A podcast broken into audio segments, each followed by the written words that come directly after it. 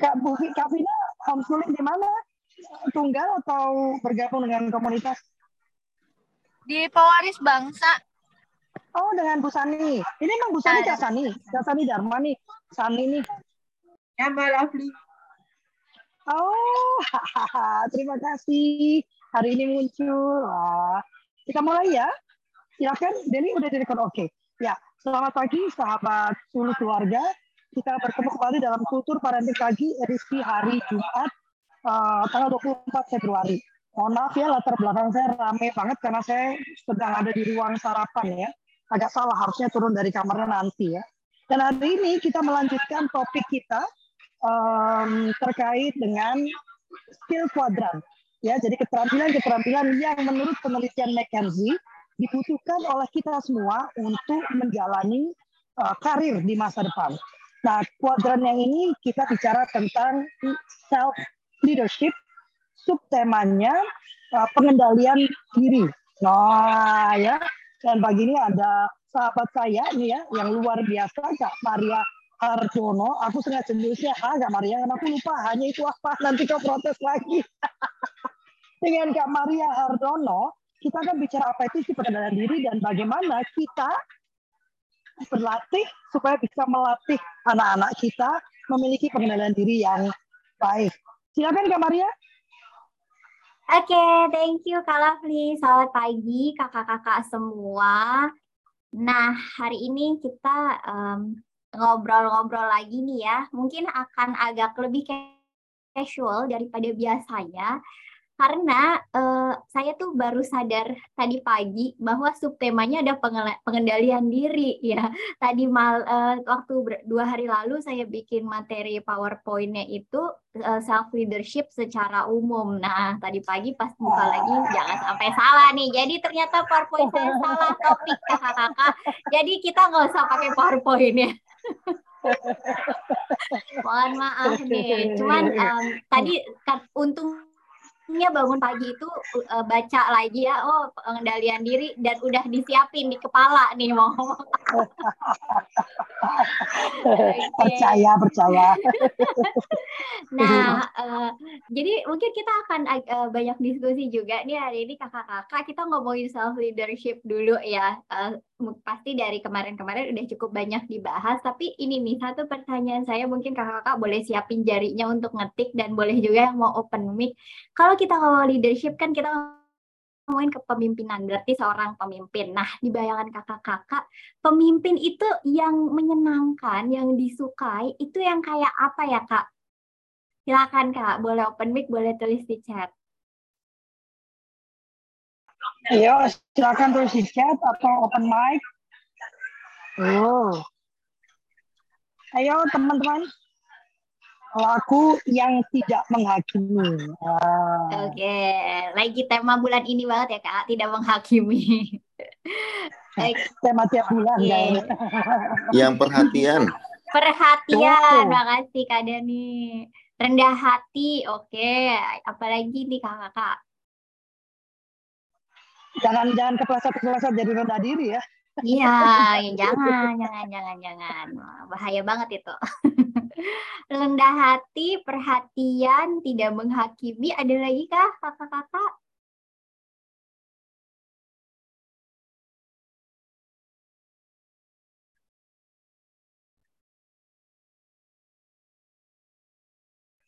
Yang mengasihi mengayom mengayomi mengasihi oke okay. hmm. Kemarin banyak teman yang bilang bisa diteladani katanya berat banget ya. diteladani. Oke, okay.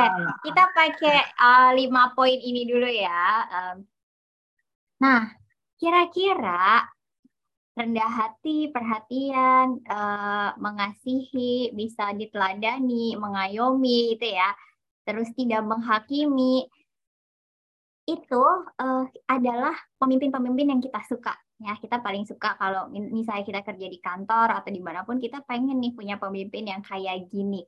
Nah sebenarnya kalau kita ngomongin self leadership Berarti inilah yang harus kita lakukan pada diri kita, kakak-kakak. Jadi daripada uh, ya bukan daripada ya, sebelum ya, sebelum kita mengharapkan orang lain untuk memimpin kita dengan gaya seperti ini, kita perlu berusaha membuat diri kita memimpin diri kita dengan gaya yang seperti ini. Nah, uh, bonusnya kalau misalnya kita bisa memimpin diri kita dengan mengasihi, dengan rendah hati, dengan penuh perhatian, tidak menghakimi. Nah, kalau kita nanti punya orang di sekitar kita, entah teman, entah pemimpin atau siapa pun di sekitar kita yang mereka punya perilaku yang sebaliknya ke kita, itu kita akan baik-baik saja gitu. Contoh ya, misalnya kita tuh tidak menghakimi diri sendiri, kita bisa ngerti diri kita gitu kita nggak pernah ngejudge diri kita negatif. Begitu orang lain menjudge diri kita negatif, respon kita kira-kira akan kayak ah dia kan nggak tahu aku kayak gimana aslinya. Ya udahlah gitu. Jadi oh, bisa lebih lebih netral gitu ya kak Fia. Nah, oke okay, nah jadi um, kakak sebenarnya poin pertama ya kalau kita ngomongin tentang diri yang kebetulan hari ini tentang leadership ya, kepemimpinan diri sendiri. Hal pertama dan paling krusial sekali adalah kita memahami diri kita. Benar-benar memahami. Nah, memahami itu apa aja coba kakak-kakak yang perlu dipahami dari diri kita?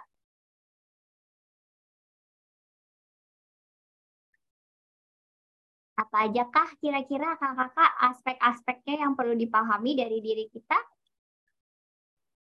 kekuatan dan kelemahan. Oke, okay, thank you Kak. Kekuatan dan kelemahan. Ada lagi yang lain Kak?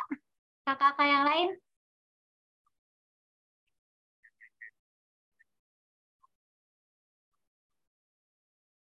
Kalina, Kak Vivi mungkin? Kak Sani?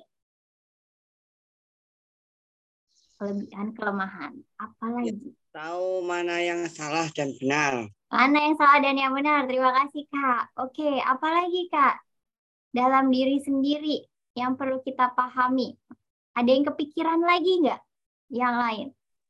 Identitas siapa diri kita. Yes, thank you. Identitas siapa diri kita.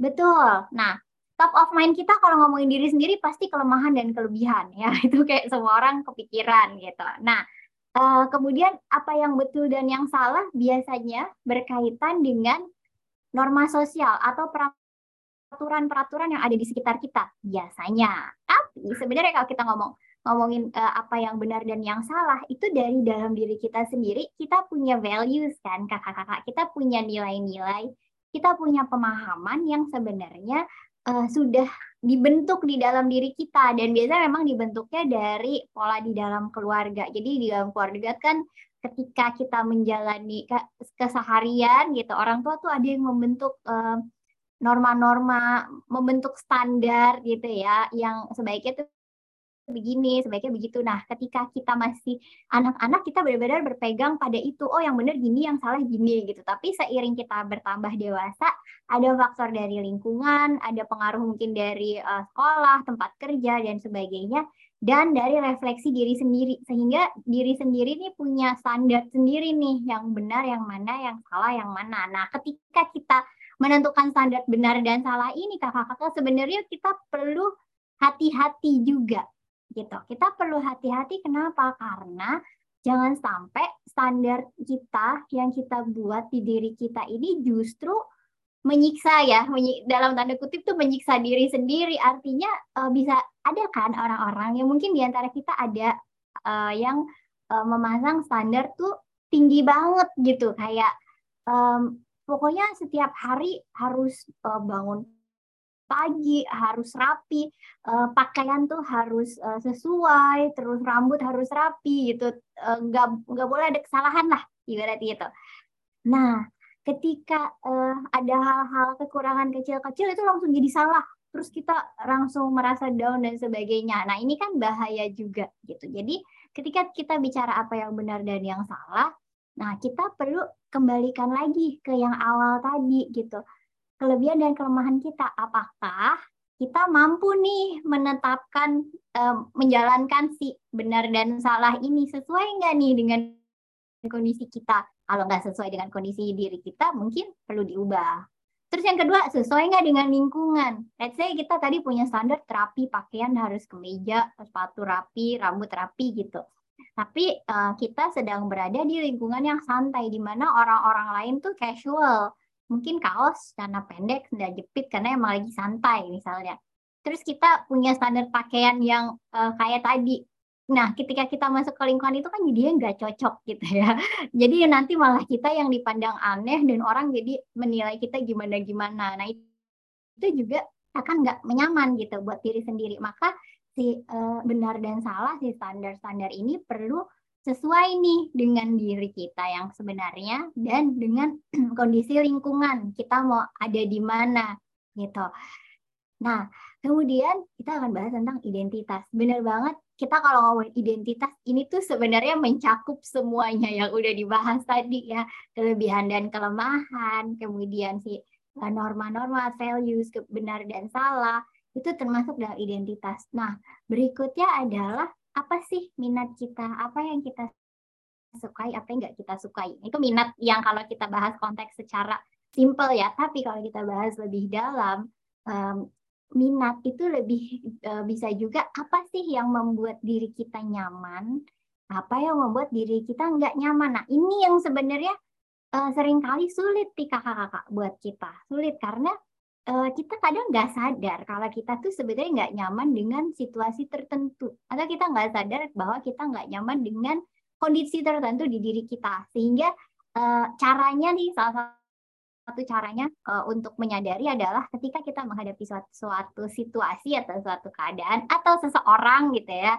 di sekitar kita terus kita merasa nggak ny nyamannya tuh bisa karena situasi tersebut tiba-tiba kita responnya tuh berlebihan. Nah kalau kita bisa menyadari itu, kok orang lain ngomong ini aja aku marah banget ya misalnya, atau uh, kalau misalnya ada di tempat ramai, kenapa aku jadi kayak pengen buru-buru keluar dari tempat itu gitu. Itu kan respon-respon yang sebenarnya berlebihan. Kita perlu menyadari hal-hal itu karena hal-hal itulah uh, ada di dalam diri kita. Ternyata kita nggak nyaman dengan situasi A, B, C dengan uh, orang yang seperti A, B, C gitu. Nah, ketika kita uh, bisa menyadari hal-hal ini, kita akan lebih tahu gimana manage diri kita. Karena um, nggak perlu orang lain negur eh lo kok gitu banget sih gitu tapi kita udah bisa sadar sendiri gitu jadi sebenarnya poinnya adalah di kesadaran diri kita nah kesadaran ini memang e, bisa dimiliki kalau kita e, satu memahami diri kita. Yang kedua kita peka terhadap apa yang terjadi di dalam diri kita. Nah ini peka ini susah nih kakak-kakak sebenarnya. Kenapa? Karena Uh, dari ini berdasarkan uh, penelitian ya, berdasarkan penelitian, berdasarkan juga ngobrol-ngobrol dengan teman-teman orang-orang di sekitar kita, ternyata memang budaya kita selama ini me, istilahnya tuh kayak mengabaikan atau dismiss yang namanya emosi. Ya nggak kakak-kakak. Dulu ya kecil jangan nangis. Ah uh, malu kalau nangis gitu. Atau orang tua gini ah masa kayak gitu aja nangis? Kayak gitu gitu ya respon-respon kayak gitu. Terus uh, kalau atau kita cerita sama teman, ah itu perasaan lo aja kali, nggak kayak gitu. Nah, sebenarnya respon-respon seperti itu itu membuat um, apa pemikiran atau perasaan kita tuh jadi detach gitu. Kita jadi nggak menganggap itu penting gitu. Padahal kalau kita mau mengendalikan diri ya uh, itu perlu banget, perlu banget kita bisa memahami uh, hal-hal itu semua gitu. Kita perlu bisa attach, kita perlu bisa peka sama apa yang terjadi di sekitar kita dan terutama apa yang terjadi di dalam diri kita gitu kakak-kakak. Jadi memang um, penting banget nih kita bisa aware, peka. Jangan sampai kita udah ngerti konsepnya tapi di sehari-hari masih ah enggak lah, enggak mungkin lah gitu. Jadi ketika kakak-kakak muncul pemikiran tertentu nih di suatu situasi atau misalnya muncul perasaan tertentu tiba-tiba merasa gak nyaman gitu itu jangan diabaikan kakak tapi lebih kayak oke okay, ini perasaan apa ya um, ini nggak nyaman apa ya ini kecewa kah marah kah atau apa ini kira-kira kenapa ya ada apa di sekitar kita atau ada apa di dalam diri kita sehingga kita muncul perasaan seperti ini pemikiran juga gitu. Kadang-kadang kita menghadapi situasi terus jadi kayak muncul nih pemikiran-pemikiran negatif misalnya. Itu mungkin jangan langsung serta-merta diabaikan ah enggak gitu. Jangan, karena kita kan sebenarnya manusia tuh punya intuisi. Jangan-jangan pemikiran itu muncul karena ada sesuatu. Nah, nah sesuatunya ini apa? Sesuatunya bisa memang eh, bekas-bekas dari pengalaman masa lalu yang ke trigger itu muncul lagi karena kondisi lingkungan sehingga pemikirannya muncul lagi atau memang uh, kita udah punya pengetahuan oh kalau misalnya situasinya begini nanti bisa uh, begini nih. Nah sehingga kita muncul pemikiran seperti itu. Nah itu perlu kita analisa juga kenapa ya mikir begini? Kenapa ya mikir begitu? Gitu kemudian refleksi-refleksi pengalaman kayak misalnya mengalami sesuatu terus kita ada waktu untuk berpikir kenapa ya saya mengalami ini, kenapa ya saya mengalami itu. Nah, ini ada cara-cara yang bisa kita lakukan untuk lebih memahami diri kita dan lebih memahami sebenarnya kita tuh mau ke arah mana gitu.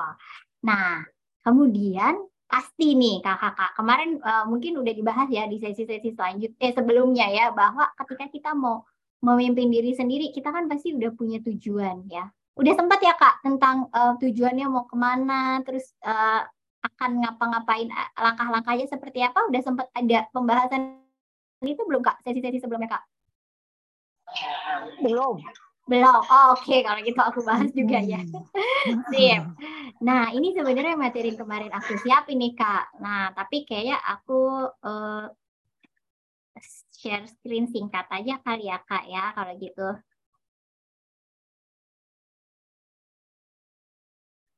nah Oke, ini yang perlu tadi kita udah memahami diri kita ya, memahami itu tadi uh, segala sesuai tadi udah kita bahas value, identitas dan sebagainya. Kemudian menentukan tujuan. Nah, ketika kita mau mengarahkan diri kita ke mana, ini tujuannya tuh jelas. Ini konsepnya ya yang uh, rasanya udah cukup. Bentar, ini dia. Ini konsepnya, rasanya kakak-kakak udah cukup paham ya, familiar dengan konsep ini dan nanti bisa di uh, browsing juga. Intinya ketika kita menetapkan tujuan, ini saya mau highlight yang bagian realistik ya. Jadi ketika kita menentukan tujuan, pastikan itu realistis dengan kondisi diri kita. Gitu. Dan juga bisa dicapai. Kalau misalnya nggak realistis dan kira-kira nggak dicapai, ini yang pada akhirnya akan membuat kita merasa justru down, drop, ya aduh kayaknya gak berdaya ini oh ternyata aku nggak mampu ini jadi emang saya pengen highlight karena berkaitan dengan pengendalian diri ada di dua poin ini realistis dan achievable gitu nah kemudian analisa SWOT. Ini yang tadi saya sempat singgung juga bahwa kita perlu mengenali SWOT. Itu kan strength weakness berkaitan dengan diri kita sendiri. Apa kekuatan dan kelemahan kita? Kalau tadi kita sudah memahami diri sendiri pasti nggak sulit nih kita menentukan strength and weakness. Nah, opportunity threat dan threat ini adalah yang dari lingkungan. Kita bisa perlu peka di sekitar kita tuh um, kalau kita mau mengarah ke tujuan A, kira-kira kita akan menghadapi tantangan apa dan kita akan punya peluang apa aja. Beberapa dari kita biasanya fokus pada tantangan-tantangan yang wah nanti begini, nanti begitu. Jadinya parno duluan sebelum jalan gitu. Tapi uh, sebetulnya kita perlu lihat juga peluang-peluangnya apa, ada support-support apa aja dari lingkungan. Nah, dan lebih dari itu ketika kita menghadapi tantangan, kira-kira kita handlingnya akan kayak gimana gitu. Nah, ini adalah planningnya sebenarnya uh, rasanya kakak-kakak tuh udah melakukan ini ya sebetulnya. Tapi yang perlu diingat um, adalah ketika kita membuat perencanaan, balik lagi ke analisis terhadap diri kita sendiri, kita bisanya apa, kita sukanya apa, kita nggak sukanya apa, kita nyamannya bagaimana. Nah, planningnya disesuaikan dengan itu, dengan kondisi uh, diri kita sebetulnya. Nah, di sini nih yang uh, perannya pengendalian diri ketika kita melaksanakan. Ya udah cakep-cakep ya kan perencanaannya, analisisnya di awal udah cakep. Nah, ketika kita um, melaksanakan ternyata banyak yang di luar dugaan nih gitu. Nah, gimana cara kita menghadapinya? Salah satu poin yang sekarang lagi di mana-mana ngehits banget adalah konsep being present atau fokus pada saat ini. Jadi fokus pada saat ini. Bukan karena gini yang terjadi kemarin atau bukan kemarin deh tadi aja deh yang terjadi tadi pagi adalah sejarah ya kakak-kakak. Uh, sedangkan yang yang belum terjadi itu belum tentu terjadi sebenarnya gitu. Jadi kita perlu fokus pada saat ini. Dan saat ketika kita punya pikiran ya saya nggak eh, nggak nggak muluk-muluk untuk bilang jangan jangan mikirin besok. Nggak gitu juga. Karena pemikiran kita oh nanti jangan-jangan gini besok jangan-jangan gini itu kita perlukan untuk apa? Karena kita fokus pada saat ini, maka ketika kita punya pemikiran nanti gini, nanti gitu, itu jadi uh, pertimbangan kita. Kita mau yang nanti gini, nanti gitu ya, itu terjadi atau enggak, kakak-kakak. Ini yang penting nih. Ketika kita mau, oke, okay, aku pengen nanti ininya tuh terjadi atau nanti begitunya terjadi, maka saat ini ayo kita lakukan apa yang bisa kita lakukan supaya itu terjadi. Dan juga sebaliknya, kalau kita kepikiran oh nanti kalau uh, nanti jangan-jangan begini besok jangan-jangan begitu. Kalau kita nggak pengen itu terjadi yuk pada saat ini apa yang bisa kita lakukan supaya jangan sampai itu terjadi? Maka fokuslah pada saat ini apa yang bisa kita lakukan untuk membuat nanti menjadi harapan kita dan membuat besok menjadi harapan kita gitu. Fokus pada saat ini gitu. Nah um, ini yang penting juga kenapa saya tulis maksimalkan potensi yang dimiliki ini kadang-kadang nih ya uh, kita tuh nggak sadar bahwa kita tuh punya potensi A, B, C. Nah, potensi ini nggak cuma dari dalam diri kita ya kakak-kakak, ini bisa orang-orang di sekitar kita atau kondisi lingkungan kita yang memang bisa mendukung kita gitu. Jadi uh, jangan cuman fokus sama diri sendiri aja kadang-kadang untuk orang-orang yang uh, agak perfeksionis gitu kan pinginnya mengandalkan diri sendiri uh, padahal ternyata udah mentok gitu jadi nggak nggak apa-apa banget kita uh, membayangkan atau memikirkan kondisi lingkungan di sekitar kita atau orang-orang di sekitar kita apa nih yang bisa membantu kita mendukung kita untuk bisa uh, mencapai goal kita tadi gitu Nah, ini highlight juga peka. Peka terhadap situasi ini penting karena tadi kita punya plan nih. Nah, kita bisa ketika kita sedang melakukan, kita perlu peka terhadap diri kita dan situasi di sekitar kita. Eh, kira-kira kalau kita tetap melakukan sesuatu sesuatu ini sesuai dengan rencana, itu akan baik atau enggak?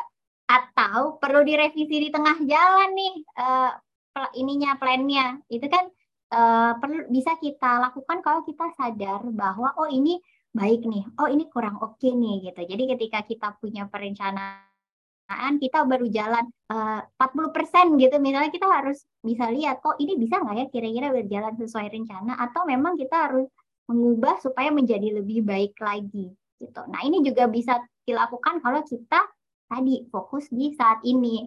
Ketika ada sesuatu yang terjadi yang ternyata nggak sesuai rencana, uh, boleh sih ada waktu untuk menyesali, ada waktu untuk uh, aduh uh, merasa bersalah gitu, boleh. Itu tentu saja boleh. Tapi jangan lama-lama supaya kita bisa move on gitu.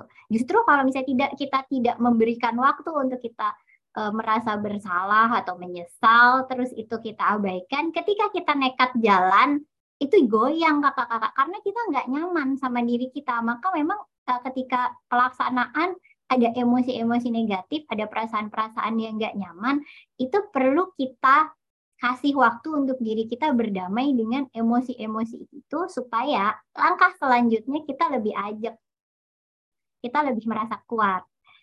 Nah, ini yang terakhir adalah ketika uh, sudah kita selesai melakukan sesuatu ya, apa pun itu biasanya kan kalau kita udah jalan dengan rutinitas sehari-hari udah berakhir satu hari udah tidur aja selesai gitu ya. Nah sebenarnya bagus banget kalau kita luangin waktu sebentar aja gitu 10-15 menit setiap hari untuk evaluasi. Evaluasinya tuh kita ingat-ingat lagi pengalaman kita hari ini. Apa saja sih yang sudah terjadi? Itu yang pertama. Yang kedua, apa saja hal-hal baik dalam diri kita yang sudah terjadi, yang sudah kita lakukan gitu di situ penting banget kita menyadari hal-hal baik yang sudah kita lakukan. Jadi ini menjadi apresiasi buat diri kita. Ucapkanlah terima kasih terhadap diri kita bahwa simple-simple aja berhasil bangun tidak terlambat ya, bangunnya tepat waktu misalnya.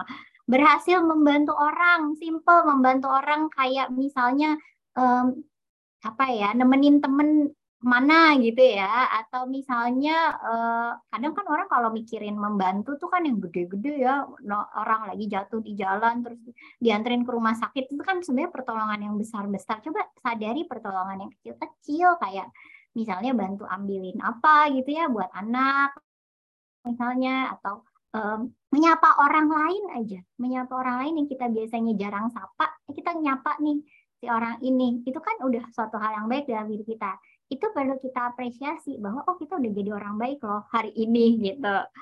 Nah, kemudian setelah merefleksikan apa yang ada di dalam diri kita, yang terjadi di diri kita, kita merefleksikan pengalaman kita, situasi yang terjadi di sekitar kita.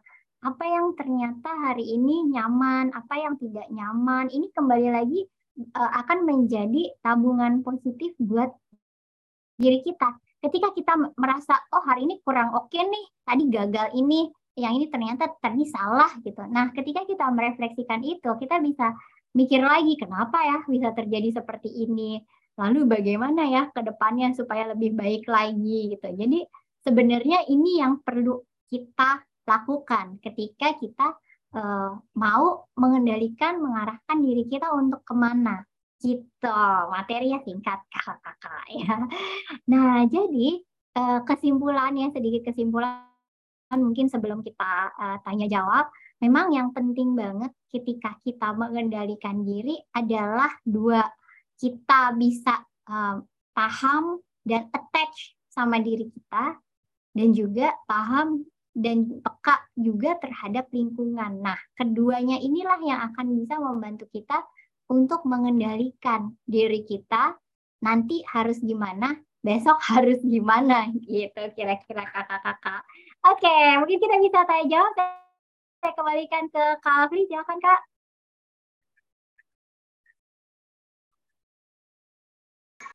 Ya, yang menarik buat aku ada kata-kata Rabi ya uh, dalam perenungan harian kita itu di malam hari uh, bukan hanya bertanya what have I done wrong, untuk diperbaiki, tetapi ada pertanyaan perbuatan baik apa saja yang sudah saya kerjakan gitu ya.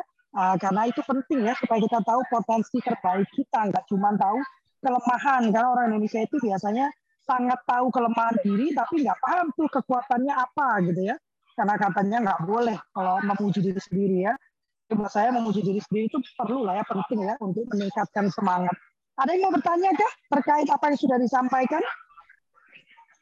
uh, judulnya adalah self leadership, subtemanya uh, pengendalian diri. Ini ada Kak Juniari, ada Kak Robita, Pak Madiman, Kak Chandra Dewi. Udah lama nih nggak pernah muncul Kak Chandra Dewi sehat.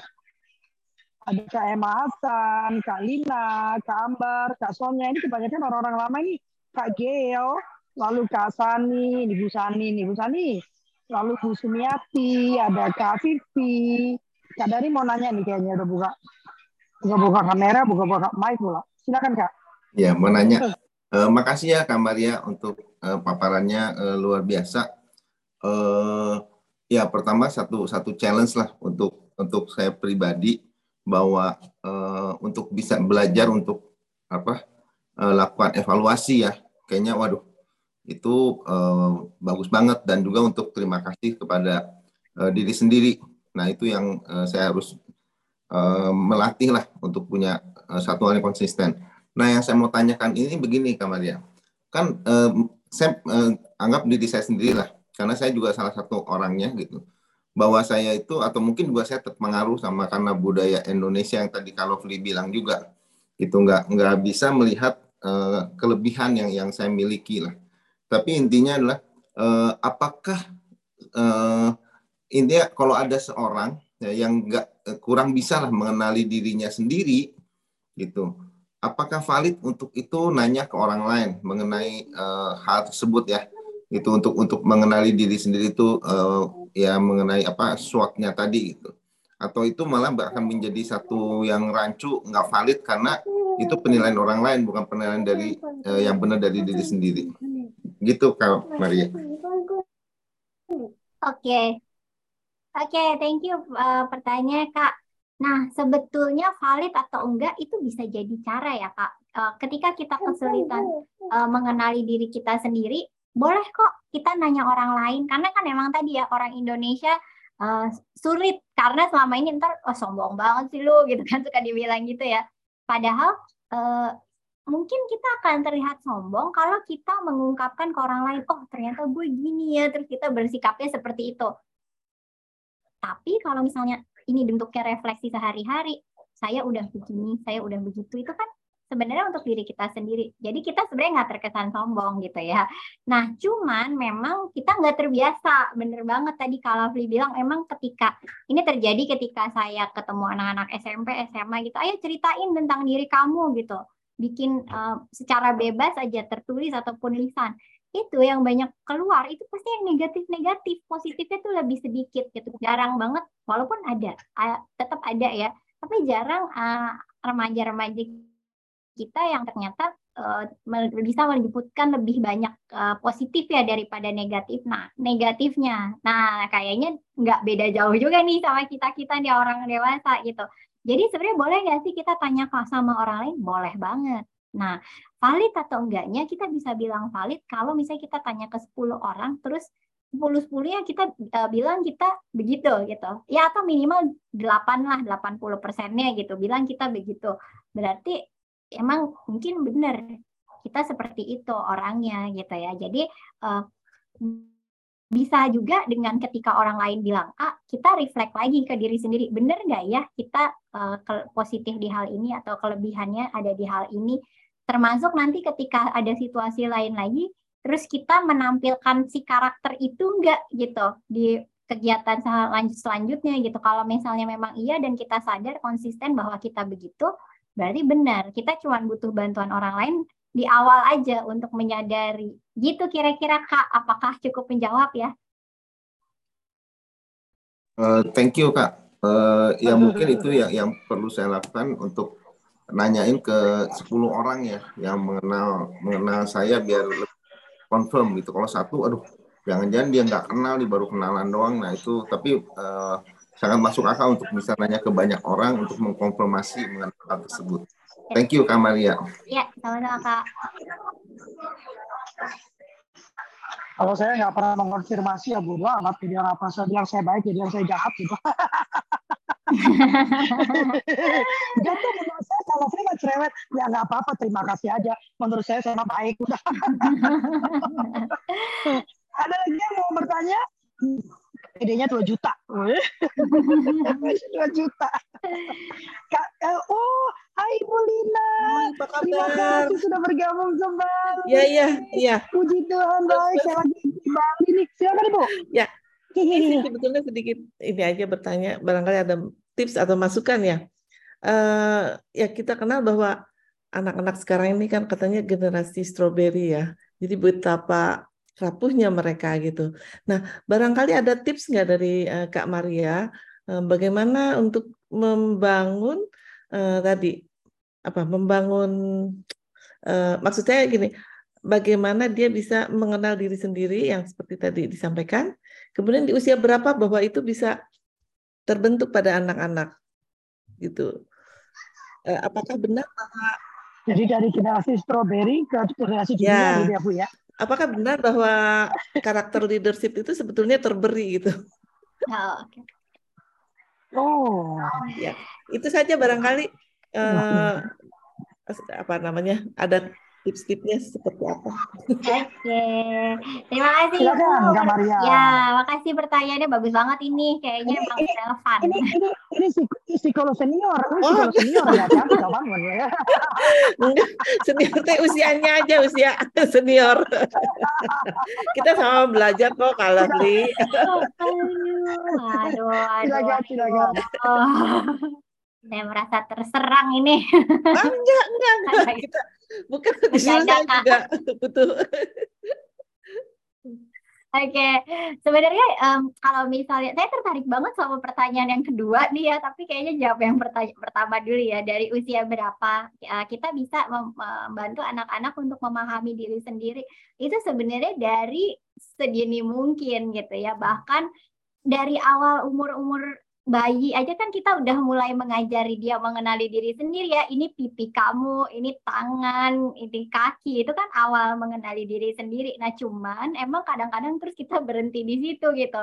Padahal eh, mulai dari situ kita bisa membantu mereka untuk eh, berawal dari karakteristik fisik masuk ke karakteristik yang lebih internal lagi gitu oh ternyata kamu suka manjat-manjat ya dek gitu. Itu kan membantu mereka oh aku suka manjat gitu. Kalau kita nggak state itu mungkin anak-anak kecil kan nggak nge. Atau misalnya kita menyadari bahwa oh anak kita tuh kalau um, mewarnai itu masih keluar garis gitu misalnya. Oh kamu kalau mewarnai yang sempit-sempit masih keluar garis kalau yang besar-besar sudah bisa di dalam garis gitu. Itu kan statement-statement kayak gitu membantu mereka mem memahami oh skill aku sampai di sini ya. Skill aku uh, ternyata belum bisa yang itu gitu. Kemudian misalnya uh, lagi yang mungkin lebih sering nggak disadari ya. Anak-anak kan kadang kita lihat ini anak nggak bisa diem banget sih beralih terus perhatiannya gitu. Nggak fokus gitu. Nah kita hati-hati tuh. Kita jangan bilang kok kamu nggak bisa nggak bisa fokus ya gitu. Kita jangan bilang gitu gitu. Kita bilang uh, oh kamu baru bisa duduk 10 menit ya dia ternyata uh, wah kalau kata buku sih biasanya umur kamu harusnya udah bisa 15 menit nih tapi kamu baru bisa 10 menit. Ayo kita kita belajar biar uh, kita usahain yuk biar kamu bisa nih sebentar lagi kamu bisa lebih lama lagi fokusnya lebih lama lagi duduknya bisa kayak gitu. Itu hal hal-hal seperti itu seiring berjalannya usia itu membantu anak untuk mengenali diri mereka gitu. Nah yang perlu hati-hati banget adalah kadang-kadang ketika kita berusaha mengajak anak mengenali diri kita itu kita jadi ngebandingin gitu. Nah, ngebandingin kalau sama teman-temannya tuh bahaya ya.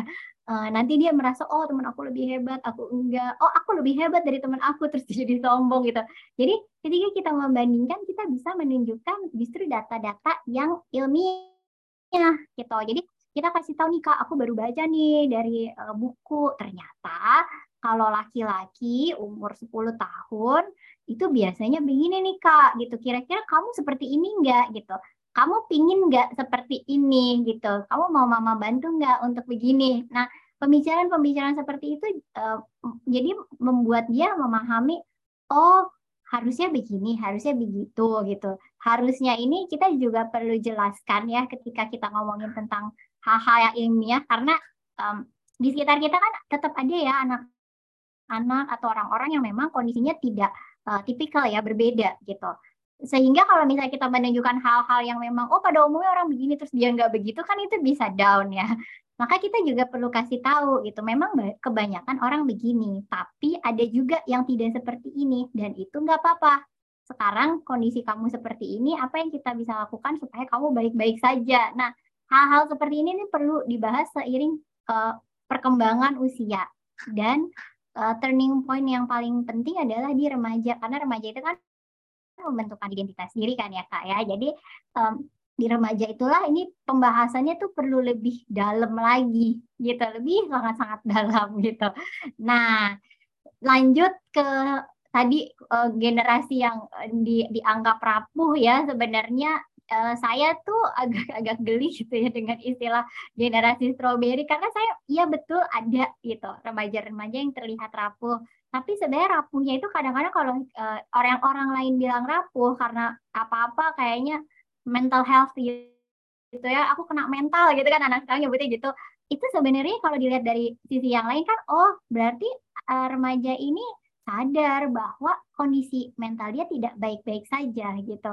Maka uh, orang dewasa di sekitar kita mestinya ya itu memberikan support gitu. Apa yang kamu rasakan gitu? Kenapa ya kira-kira kamu merasa begini? Emangnya harapan kamu seperti apa? Yuk kita lakukan apa nih supaya kita bisa mencapai harapan kamu? Sebenarnya kan perlu pendampingan seperti itu gitu sehingga uh, pada akhirnya dia akan kuat. Tapi apa yang terjadi sekarang kan begitu lihat anak remaja uh, ngeluh nih aku nggak suka nih soalnya gini keluhan ini aku nggak suka guru aku gini aku down segala macam misalnya. Terus orang tua tuh yang kayak ya ampun gitu doang masa? Ya gitu kan kayak menyepelekan emosi-emosi yang dialami si remaja ini. Nah, itu yang akan membuatnya justru semakin strawberry nantinya gitu. Karena oh aku tuh lemah aku nggak berdaya aku nggak ada apa-apanya dibanding generasi orang tua aku gitu-gitu loh. Jadi hati-hati banget gitu dengan sebutan-sebutan ini. Uh, justru kita uh, seneng ya kalau anak-anak ini tuh peka dengan apa yang mereka rasakan karena itu membantu kita untuk tahu oh kita harus jadi kita harus begitu bayangin kalau zaman generasi kita dulu semua ditutupin, iya kelihatan baik-baik aja gitu kan. Padahal hancur di dalam. Itu kan orang-orang di sekitar kita nggak tahu harus ngapain untuk ngebantu kita. Udah gitu kita yang mengalami lebih ngerasa aku tidak dipahami orang-orang nggak tahu aku uh, harus diapain kayak gitu kan semakin terpuruk gitu rasanya. Jadi uh, terima kasihlah kepada generasi kita yang lumayan sensitif gitu ya uh, sehingga mereka lebih terbuka untuk mengungkapkan jadi kita tahu harus gimana. Nah apakah leadership itu terberi? Sebetulnya leadership itu kan kemampuan ya ini kan sebuah skill ya eh, kakak-kakak ya. Jadi sebetulnya ini bisa diasah, ini bisa dilatih. Memang ketika kita semua lahir, anak-anak itu punya karakteristik tertentu orangnya begini, begitu ya. Ada yang faktor bawaan gitu. Tapi faktor lingkungan kan tetap berperan penting. Jadi uh, seperti apa pun kondisinya ini bisa kok gitu. Tapi apakah pada akhirnya bisa jadi pemimpin yang kayak presiden kah atau pemimpin yang hanya ketua kelas misalnya ya uh, kemampuan kepemimpinannya ya maksudnya kapasitasnya itu balik lagi memang tergantung uh, faktor bawaan dan support lingkungan gitu. Tapi sebenarnya leadership itu bisa diasah, bisa banget diasah gitu. Yang penting uh, ada ada juga kemauan gitu dari anak. Nah kalau misalnya anak nggak mau gimana kak? Jangan nyerah dong kakak-kakak ya kan? Karena motivasi internal uh, itu bisa dibentuk kok, bisa dibentuk juga. Kadang-kadang kenapa sih anak nggak mau? Kamu gini ya dek, nggak mau sama aku nggak suka bla bla gitu. Jangan nyerah tuh. Tapi uh, kita coba membangun urgensi gitu. Ini loh dek kenapa kamu aku uh, mama pengen kamu begini? Karena kalau kamu begini bla bla bla. Kalau kamu begini bla bla bla. Terus bisa juga pakai contoh orang-orang yang sudah berhasil. Oh tadinya dia kayak kamu loh dek tapi dia mau coba gini gini kamu mau coba juga nggak? Kadang-kadang juga kenapa anak menolak? Dia takut menghadapi nanti gimana gitu kan. Maka kita yang temenin emang kamu eh, nggak maunya kenapa? Kamu takut khawatir apa khawatir apa? Kalau kita bisa dapat itu, kita akan bisa membangun motivasi internalnya sehingga pada akhir yang tadi dia nggak mau banget kita proses dulu sampai dia merasa oh oke okay deh aku mau baru kita lakukan. Gitu kira-kira kak. Aduh mudah-mudahan nggak malu-maluin jawaban saya ya Iya, iya. Sangat baik sebetulnya ya. Um, jujur li, uh, jujur li kan. Sebetulnya Bapak Iya, uh, ada nanti uh, Bu uh, Kalina, ada Kak Philip Yusenda ya. Kak Philip Yusenda itu uh, fokus pada literasi emosi. Ya. Nah, nanti, nah, mungkin bulan depan atau biasanya dia ngisi satu bulan sekali sama seperti Kak Maria ya. Jadi ada topik-topik yang memang saya mintakan beliau yang berbicara terkait literasi literasi emosi karena menurut saya kenapa waktu itu saya kontak Kak Maria sebetulnya karena saya merasa literasi emosi itu sangat penting buat kita gitu jangan sampai ini lolos nih lewat gitu. Banyak kita pikir ini baik-baik saja, tiba-tiba dia paling ekstrim bunuh diri misalnya ya. Uh, saya sebenarnya sekarang banyak teman-teman saya tuh sudah bisa bilang kalau nih mau ketemu dong, saya udah pengen mati aja rasanya. Setidaknya dia sudah berani menyatakan itu. Jadi saya bisa step down gitu ya. Ayo yuk kita ketemu yuk ngobrol gitu ya. Paling nggak ada yang bisa kita kerjakan. Jadi uh, uh, buat saya anak-anak ini justru memberi pelajaran buat saya gitu bahwa nggak ada masalah kok kalau Kak Dani nanya kalau Fri apa kabar kita kan diajarnya ngomong puji Tuhan baik-baik saja padahal air mata bercucuran gitu ya. Ya, tapi dengan dengan melihat mereka tuh saya belajar oh ternyata boleh deh kalau Kak Deni nanya, kalau beli bisa ketemu nggak? Aduh hari ini mood saya lagi nggak bagus tuh, boleh nggak ketemunya besok saja? Itu oke okay, gitu, it's okay untuk melakukan itu gitu. Dan saya rasa itu satu kebiasaan yang sehat ya. Setidaknya sebagai teman, Kak Deni langsung alert. Tuh, kalau sering lagi down ini, apa gitu ya? Kalau alert ya, Kak Deni ngomong alert nggak? Kalau tidak dia jadi alert kan. Lalu dia tahu oh saya perlu step step up untuk uh, menemani setidaknya sahabat saya ini gitu ya. Karena kalau nggak mulai dari kita yang terbuka menyampaikan apa yang kita rasakan, yang mau bantu juga bingung ya Bu Lina ya, ya Kalina ya. Um, ini lagi bahagia kok kayaknya ketawanya kok air matanya sudah keluar keluar ini bahagia beneran apa bahagia apa ini gitu ya. Uh, saya rasa itu ya. Dan kalau di, sebenarnya kalau ditelisik bukunya Renard Casali itu kan dia tidak sedang melabeli satu generasi ya. Karena kan uh, Renard Casali menulisnya kan utuh ya. Sebetulnya Renard Casali sedang me, sedang mengkritik para orang tua sebetulnya gitu kan. Kenapa anak-anak ini menjadi uh, sangat lembek? Ini karena kealpaan orang tua dalam melakukan tadi mengembangkan keterampilannya. Survival itu kan juga keterampilan.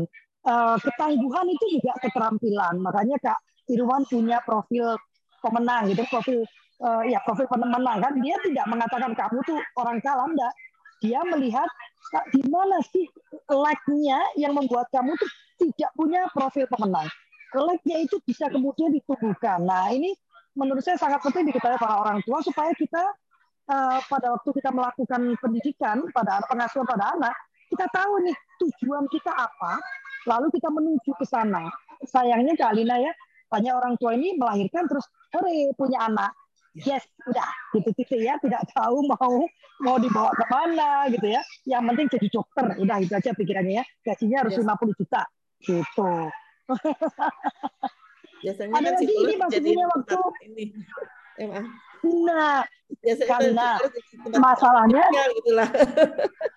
nah, masalahnya psikolog ini kalau udah parah-parah gitu kan. Pusing kepala Barbie ya kan. Iya. Selalu begitu. Saya undang karantin nggak mau. Nanti baru datang ke saya sudah bermasalah. Saya bilang nggak bisa. Kalau sudah bermasalah, saya tidak punya kapasitas profesional untuk melakukan itu. Ya Anda harus bicara dengan psikolog. Ya kalau bicara dengan psikolog, ya harus bayar dong. Masa mau gratis sekolahnya juga susah gitu kan. Uh, tapi aduh kalau tapi kan kalau nggak saya nggak punya uang. Nah, kasihan gratis nggak mau pakai ya kan. Jadi curhat saya ya. Sudah jam 9 kakak boleh uh, untuk penutup sambil kita uh, di foto. Aku lupa ya harusnya hari ini aku minta dirimu jadi host kak Dani. Ini rame banget di belakangku.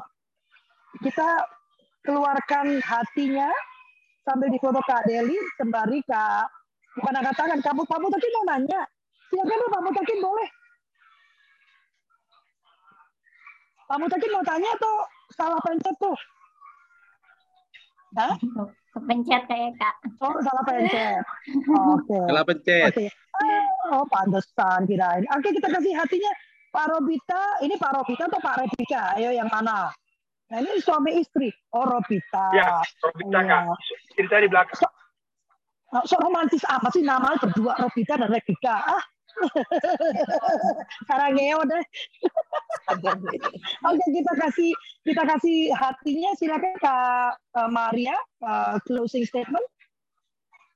Oke, kakak-kakak, eh, sedikit aja closing statement-nya. Memang ketika kita ingin mengarahkan diri kita mencapai sesuatu, supaya kita bisa mengendalikan diri, kita fokus pada saat ini, fokus pada saat ini, menyadari apa yang terjadi di dalam diri kita, menyadari apa yang terjadi di sekitar kita, sehingga kita bisa menentukan habis ini apa yang akan kita lakukan.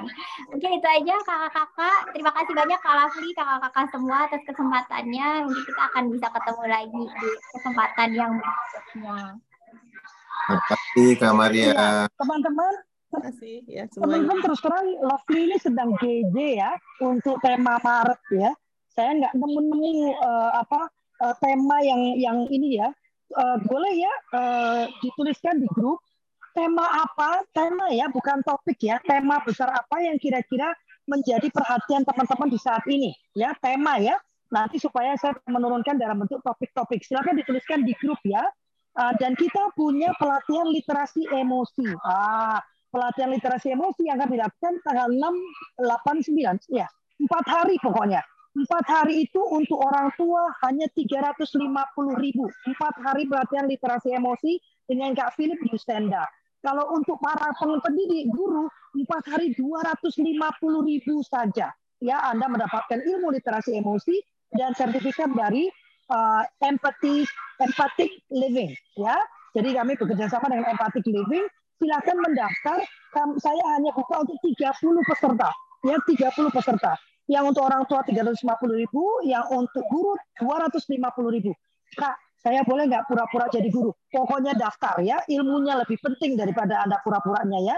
Karena literasi emosi itu sangat penting.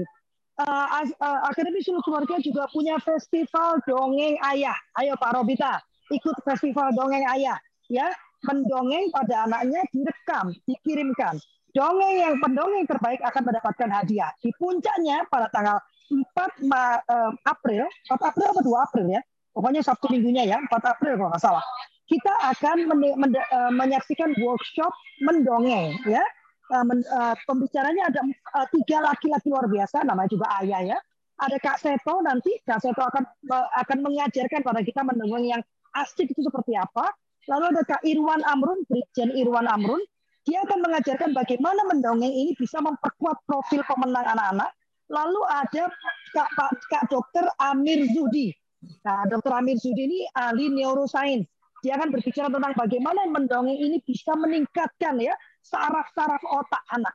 Ya, kalau yang itu di bulan April 250 ribu saja Anda dapat workshop sehari dengan tiga pembicara yang luar biasa. Ya, untuk peserta silakan mendaftarkan juga Anda jadi peserta dapat workshop. Nanti ada hadiah uang untuk peserta terbaik. Festival Dongeng Ayah ya. Yang terdekat literasi emosi uh, course ya, pelatihan literasi emosi. Terima kasih banyak. Kalian sudah difoto? Aku jadi kayak orang ini loh, pakai earpiece ngoceh-ngoceh sendiri orang pada ngeliatin ya orangnya ngapain. Oke, okay. terima kasih banyak Kak Maria. Jangan bosan ya berbagi dengan kultur parenting. Omong-omong saya ini sedang ada di konferensi nasional uh, pelayanan anak ya.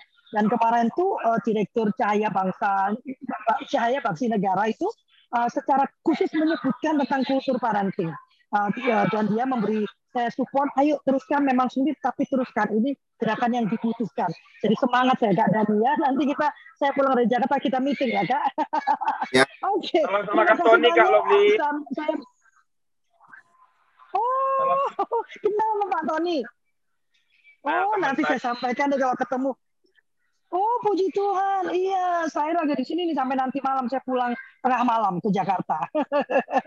ya, dan um, apa? Uh, saya mengucapkan terima kasih atas uh, uh, hadirnya teman-teman semua dan memohon maaf yang sebesar-besarnya apabila ada pernyataan, perkataan, sikap atau gestur yang kurang berkenan. Kami tidak ingin menghakimi, tidak ingin memocokkan, tidak ingin menyakiti, tidak ingin uh, menggurui, bahkan kami hanya ingin membagikan apa yang menjadi keyakinan kami dan yang paling penting yang kami usahakan kami kerjakan dalam kehidupan kami sehari-hari. Terima kasih banyak. Loh, Kaima baru masuk lagi. Wassalamualaikum warahmatullahi wabarakatuh. Tuhan memberkati. Terima kasih. Terima kasih. Saya pamit dulu ya. Udah telat nih. Sampai ketemu hari Senin. Siap. Kalina, nanti saya kontak-kontak ya, berbagi juga ya. Oke, saya pamit.